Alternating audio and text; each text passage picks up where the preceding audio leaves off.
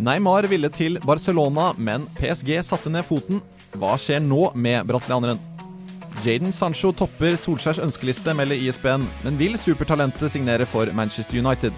Og spanske AS hevder Real Madrid jakter både Klopp og van Dijk, men hvor stor er egentlig sjansen for at de vil forlate Liverpool?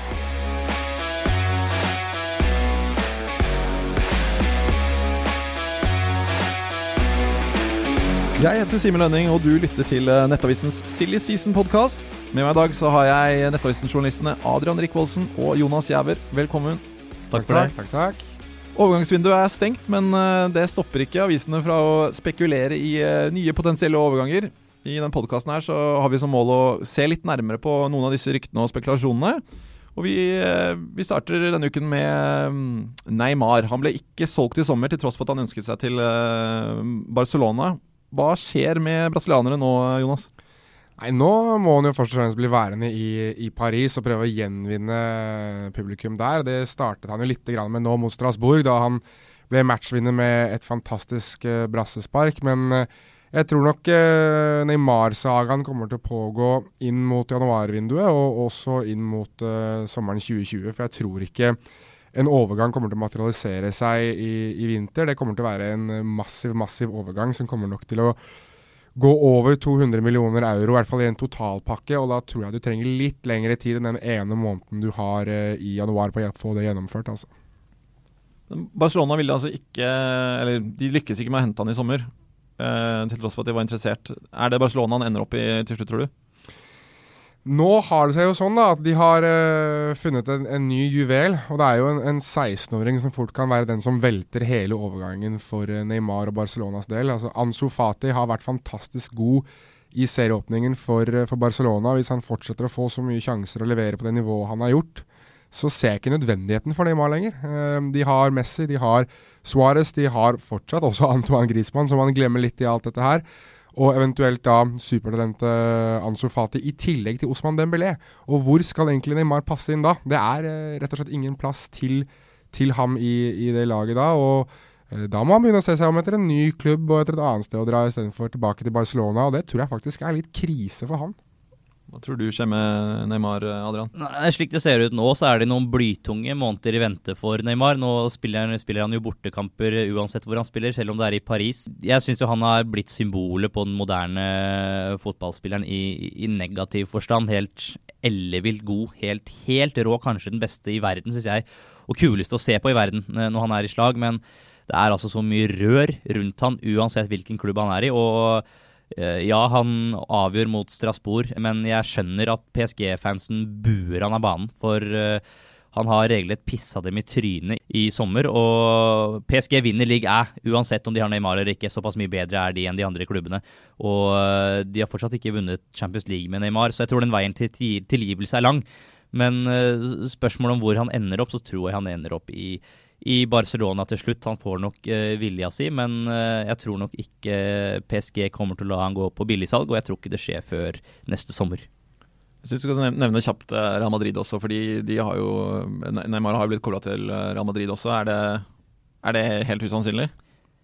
Ja, jeg tror ikke den sjansen er særlig stor. Jeg tror ikke for det første Zinedine Zidane har lyst på ham, og da er det nesten uavhengig hvor mye Florentino Perez har lyst på ham.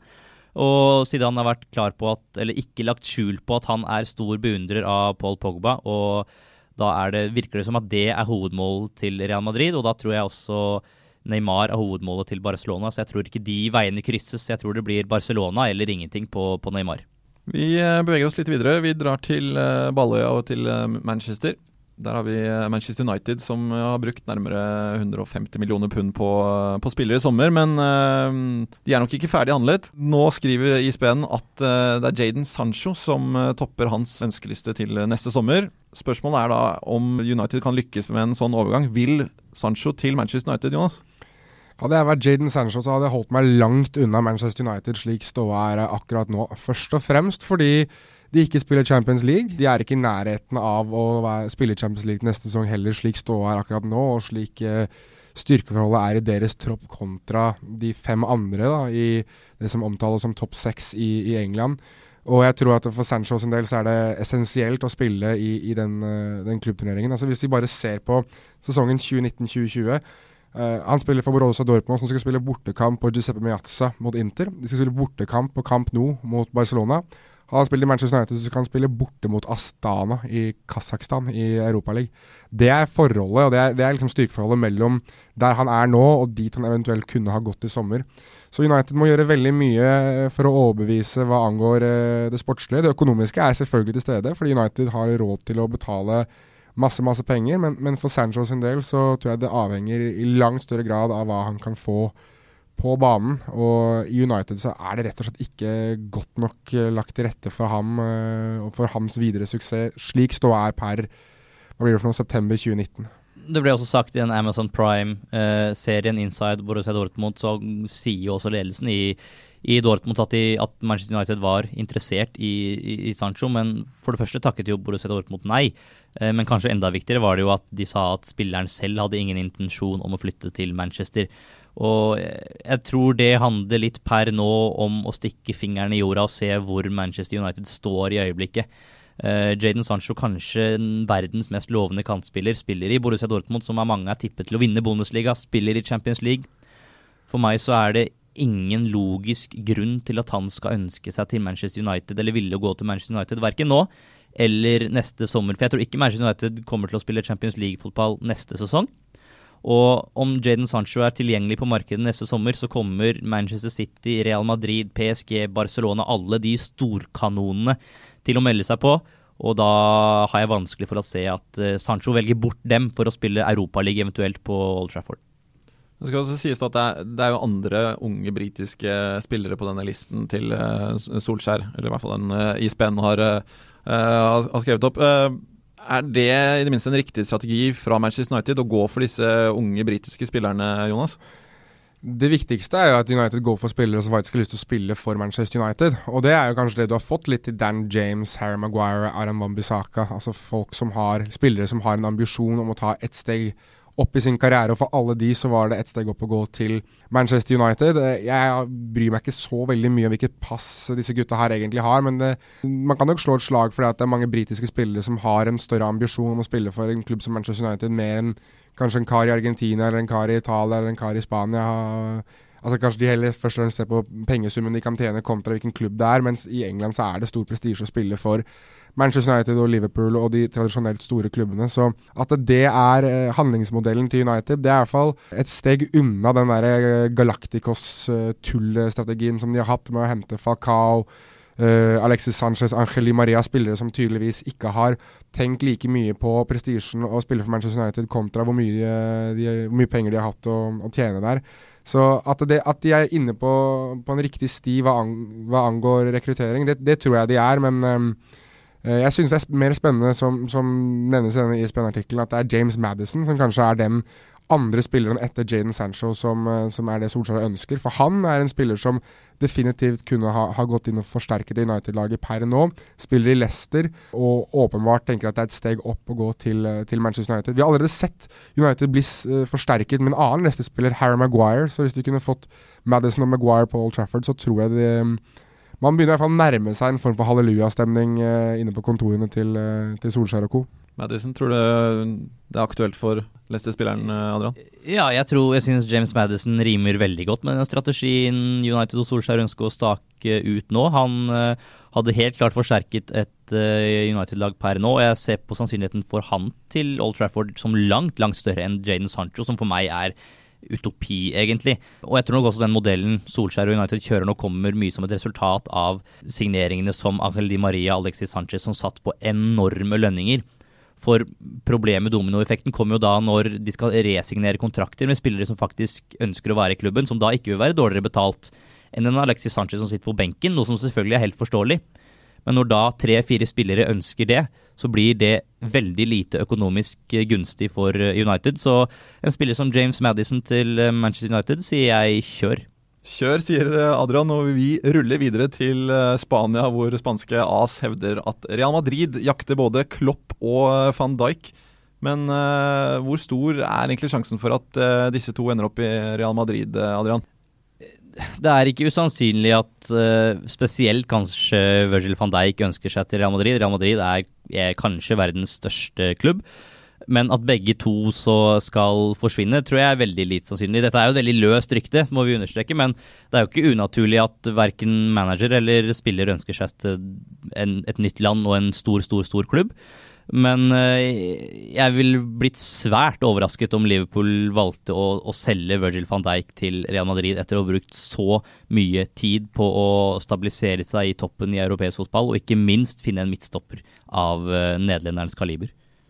Løst rykte, sier du, Adrian. Eh, for Jonas, det er, det er vel ikke så vanskelig for en avis å skrive at en klubb ønsker eh, kanskje en av verdens beste managere og, og verdens beste forsvarsspiller? Mm, nei, altså det, det, er enkelt å skrive, men i, i praksis er det, er det, rimelig vanskelig litt pga. det Adrian sier. Men for Real Madrid sin del også så gikk det mye prestisje i det å hente tilbake sin Zidane. Altså, han ledet til tre strake Champions League-trofeer eh, og er en legende i klubben også som spiller. Så, så, det er nok desto vanskeligere for Real Madrid å sparke Zidane for å ansette Klopp enn det er å hente Klopp fra Liverpool. Og hvis man ser på det som en nesten umulig oppgave å få Klopp ut av, Liverpool, så kan du forstå størrelsen på oppgaven med å hente med, å få Zidane ut av uh, sjefsstolen på Santiago Bernabeu.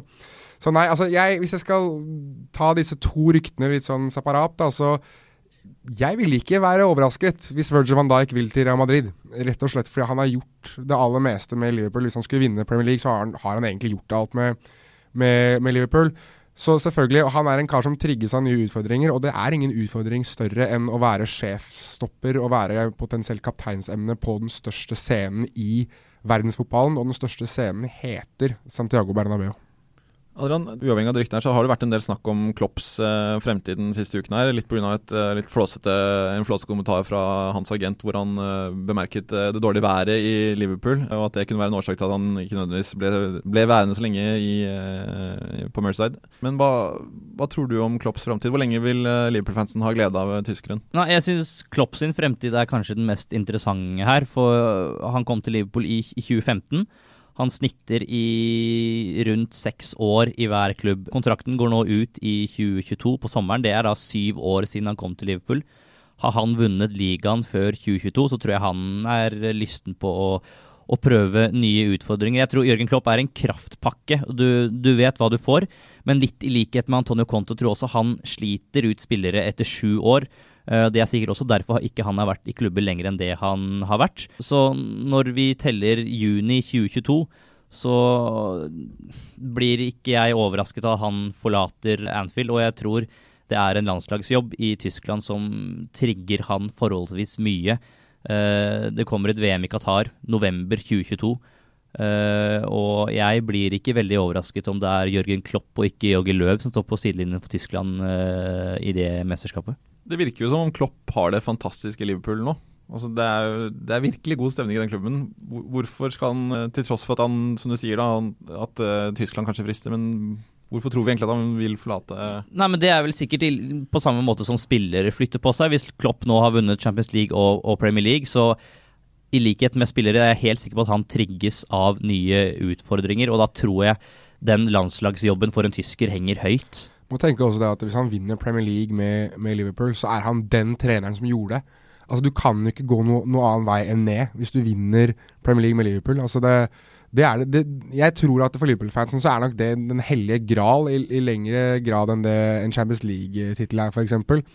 Så for Jørgen Klopp sin del så kan han bare ri ned i solnedgangen hvis han vinner den, eh, den Premier League-tittelen som Liverpool har, har drømt om i tiår på tiår nå. Og som Adrian påpeker, helt enig, den tyske landslagsjobben er nok uh, nummer én for uh, enhver tysk manager. Samtidig som jeg også tror Bayern München-jobben kommer til å, å, være noe han er lysten på etter hvert. Det spørs om den kanskje blir aktuell òg, hvis uh, Kovac får sparken der. Så jeg blir faktisk ikke overrasket jeg, hvis Jørgen Klopp er ferdig etter denne sesongen her. Hvis de vinner Premier League. At han bestemmer seg for å prøve noe nytt etter det. For du har ikke noen annen vei å gå enn det, etter å ha gjort det med Liverpool. Såpass? Nei, jeg tror han kommer til å være i Liverpool lenger enn etter neste sesong, men jeg tror vi kan slå fast at han ikke kommer til å være i Liverpool-karrieren ut. Nei, jeg tror altså, Sannsynligheten er nok, er nok uh, lavere, men, men, vi har sett tilfeller av trenere som har skjønt Vi nevnte jo Zidane her i stad, som har skjønt at jeg kan ikke gå noen annen vei enn ned, så da gir jeg meg på topp. Og det kan jeg Jeg kan forestille meg Klopp tenke litt uh, på samme måte, han også. For han forsvant jo litt sånn på dårlig vis ut av Borussia Dortmund etter å ha slitt ut omgivelsene sine. Og ja, Han er en legende der, men det var liksom litt sånn bismak da han forsvant. Så kanskje han tenker, hvis han vinner Premier League med Liverpool, at Kanskje det er nå jeg burde gi meg? Kanskje det er nå jeg burde bare finne på noe nytt istedenfor å ødelegge da uh, mitt gode rykte og, og, det som kommer til å være en legendarisk Liverpool-trenerkarriere nesten uansett.